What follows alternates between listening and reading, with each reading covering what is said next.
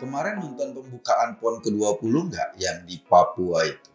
Kalau Anda nonton pembukaannya mungkin sama ngerasain kayak saya. Ada suasana yang merinding. Setelah PON 20 kali digelar, ini yang pertama kali Papua menjadi tuan rumah. Sebagai pengakuan bahwa Papua bukan lagi seperti Papua yang dulu. Papua yang sekarang beda Presiden Jokowi sendiri tampak eh, menikmati banget tuh acara pembukaan. Ya bahkan turun dari panggung ke lapangan, ikut tendang-tendang bola dan main bola. Suasana seru banget. Kayaknya memang salah satu presiden Indonesia yang paling fokus dengan pembangunan Papua, dengan daerah Papua, itu Pak Jokowi. Sebelumnya memang ada Presiden Gus Dur yang waktu pertama kali diangkat dia bilang ingin menikmati matahari tahun baru di Papua. Sayang usia kekuasaan Gus Dur nggak terlalu lama.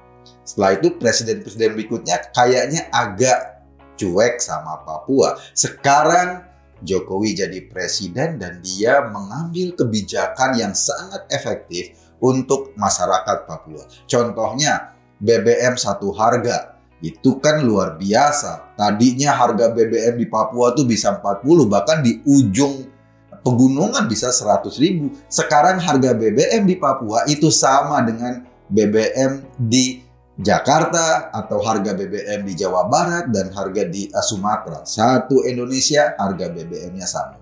Yang kedua ada pengambil alihan Freeport yang sudah sekian lama dikuasai oleh perusahaan asing dan Pak Jokowi mengambil saham Freeport dan kita sekarang menguasai sebagian besar eh, saham Freeport dan hasil Freeport itu kemudian bisa kita nikmati. Tahun ini saja ada 15 triliun eh, apa namanya pembagian keuntungan Freeport yang bisa dinikmati oleh Indonesia. Dan jangan lupa ada dana otsus yang saban tahun terus bertambah. Tahun 2021 memang Otsus itu sudah berakhir, tetapi pada zaman Pak Jokowi akhirnya diperpanjang lagi sampai 20 tahun ke depan. Dan masyarakat Papua dengan dana Otsus ini kemudian diusahakan menjadi meningkat kesejahteraannya. Presiden Jokowi bahkan sudah lebih dari 10 kali hadir di Papua, di Papua bahkan sampai ke Kabupaten Duga. Duga itu daerah yang dianggap rawan ketika Pak Jokowi mau ke sana udah banyak itu informasi atau banyak yang ngasih tahu Pak jangan Pak daerah itu masih rawan. Tapi kata Pak Jokowi ya itu tugasnya petugas keamanan. Saya ingin hadir di Dungga karena ini adalah bagian dari Indonesia. PON di Papua menandakan banyak hal. Seolah pemerintah ingin show kepada dunia. Ini loh Indonesia Timur, ini loh Papua yang dulu dianggap eh, diabaikan oleh Jakarta, sekarang Papua sudah bisa menunjukkan dirinya sendiri. Yang kedua, PON di Papua itu seperti menunjukkan keberhasilan Indonesia menangani COVID-19.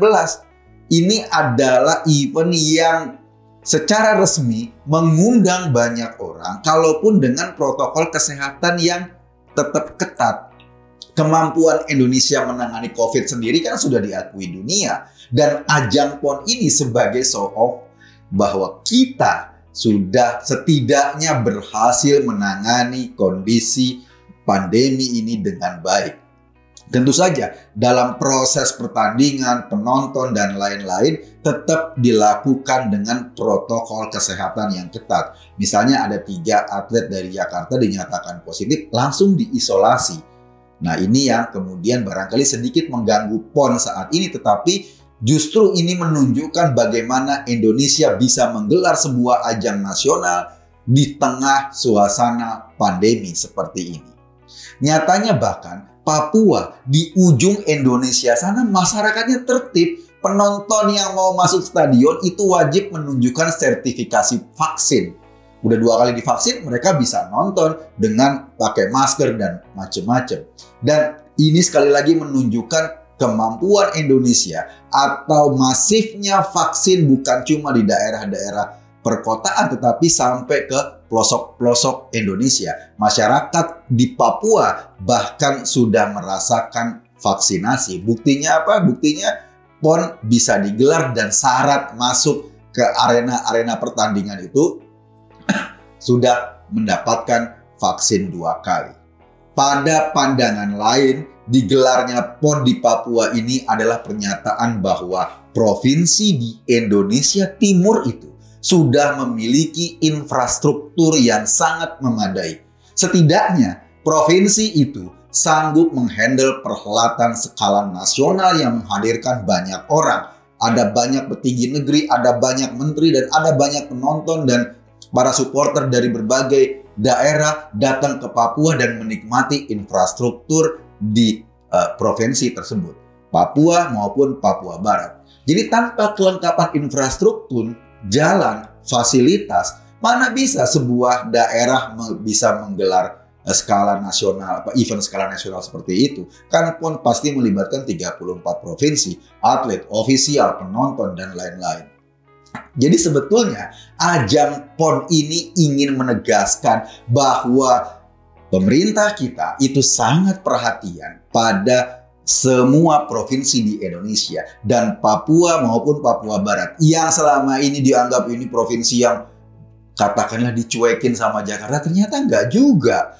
Terbukti apa? Ya terbukti berhasil menggelar perhelatan nasional. Artinya sekarang Papua seperti etalase konsentrasi pemerintah pada seluruh daerah di Indonesia. Makanya aneh ketika ada kegembiraan seperti itu, ketika saudara-saudara kita dari Papua, dari seluruh Indonesia bertanding bareng-bareng dengan semangat persaudaraan, dengan semangat sportivitas. Ada ini satu orang yang lucu banget Natalius Pigai yang terus memprovokasi dengan gesekan rasial. Pigai berkomentar bernada rasis ditujukan pada Jokowi dan Ganjar Pranowo. Iya sih, harus kita akui secara jujur. Pada zaman Orde Baru dulu, Papua memang agak dicuekin. Bukan cuma agak, memang dicuekin habis-habisan. Banyak kekayaannya yang dieksploitasi tapi pembangunan dicuekin. Tetapi justru sekarang berbeda. Komentar Pigai itu sama seperti dia ingin memotret kondisi sekarang seperti suasana zaman Orde Baru dulu. Harusnya Pigai dulu teriak-teriak pada masa pemerintahan Soeharto. Dijamin itu gampang hilang. Kalau sekarang justru berbeda. Misalnya pemerintahan sekarang itu sudah sangat serius memperhatikan kondisi kesejahteraan Papua. Dan Pak Jokowi pasti nggak ada hubungannya dengan pemerintahan Orde Baru. Dulu waktu Soeharto berkuasa mungkin Pak Jokowi masih jadi tukang kayu di Solo. Nggak belum jadi siapa-siapa. Justru yang paling menarik dari Indonesia saat ini adalah pemerintahan atau presiden yang sekarang itu tidak punya hubungan dengan dosa-dosa masa lalu Presiden Soeharto atau zaman Orde Baru dan sekarang ingin dilakukan perbaikan menyeluruh. Presiden Jokowi adalah orang yang sangat konsen pada Papua. Gak bisa dosa Orde Baru dilimpahkan pada pemerintahan sekarang. Dana otsus misalnya, sampai 2020 itu sudah 158 triliun dialirkan untuk masyarakat Papua dan Papua Barat. Mungkin masih banyak sih elit-elit Papua yang eh, menggunakan dana otsus untuk kepentingan pribadinya akibatnya tidak merembes ke masyarakat. Nah, sekarang eh, otsus akan diperpanjang lagi, dananya mungkin ditambah lagi dan eh, pemerintah Indonesia bahkan sudah menetapkan komite khusus untuk percepatan pembangunan Papua diketuai oleh wakil presiden. Nah, yang kedua yang paling lucu menurut saya adalah kritik Pigai atau Pigai membawa-bawa Ganjar sebagai gubernur Jateng. Ini lucu banget sih. Kenapa? Pertama, Ganjar ini gubernur Jawa Tengah dan gak ada hubungannya sama Papua. Dan kenapa kok kemudian Pigai mengatakan bahwa eh, Jokowi Ganjar Pranowo itu mengeruk kekayaan Papua untuk dibawa ke Jateng kan lucu. Kayaknya ya masyarakat Papua sekarang pada saat PON kemarin itu responnya luar biasa. Luar biasa menyambut Pak Jokowi. Luar biasa menyambut saudara-saudaranya sebangsa yang lain. Dan mereka katakan welcome. Oke ini Papua dan ini kami. Kami bisa menggelar perhelatan yang luar biasa ini. Dan kami sudah menunjukkan bahwa infrastruktur di Papua sudah oke, okay, silahkan bahwa ini adalah bagian dari Indonesia. Itu yang paling menarik dari respon masyarakat Papua. Soal pigai, ya udahlah kita abaikan saja. Kita juga bingung kalau kita panggil dia Pak Pik atau Pak Gai kan eh, enaknya manggilnya apa. Tapi kita abaikan, biarkan saja dia dengan kritiknya karena Pak Ganjar misalnya mendoakan, membalas kritiknya dengan doa. Semoga Pak Pigai diberi kesehatan dan tetap kritis. Maksudnya tetap menunjukkan kemampuan berpikirnya. Eh, begitu-begitu kan juga dia bekas komisioner Komnas HAM. Kalaupun sekarang dia justru paling sering melemparkan statement-statement rasis ke uh, publik. Sekali lagi saya ingin mengatakan bahwa PON di Papua saat ini bukan cuma sekedar pekan olahraga nasional. PON di Papua saat ini justru ingin menunjukkan keberhasilan Papua.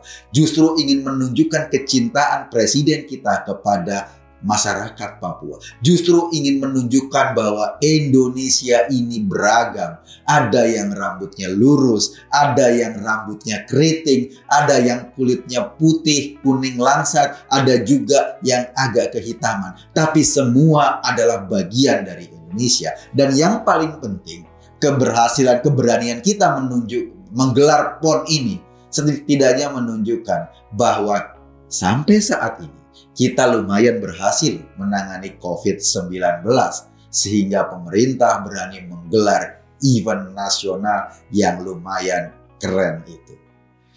Selamat kepada teman-teman atlet dan olahragawan yang sekarang sedang bertanding di arena PON 20 di Papua. Tunjukkan semangat sportivitas dan tunjukkan semangat kebersamaan bahwa kita adalah Indonesia. Dengan olahraga, dengan semua kegiatan positif kita, kita harus menjaga bangsa ini. Sebab ini Indonesia kita, kitalah yang harus menjaganya. Saya Kekun Tadi. Terima kasih.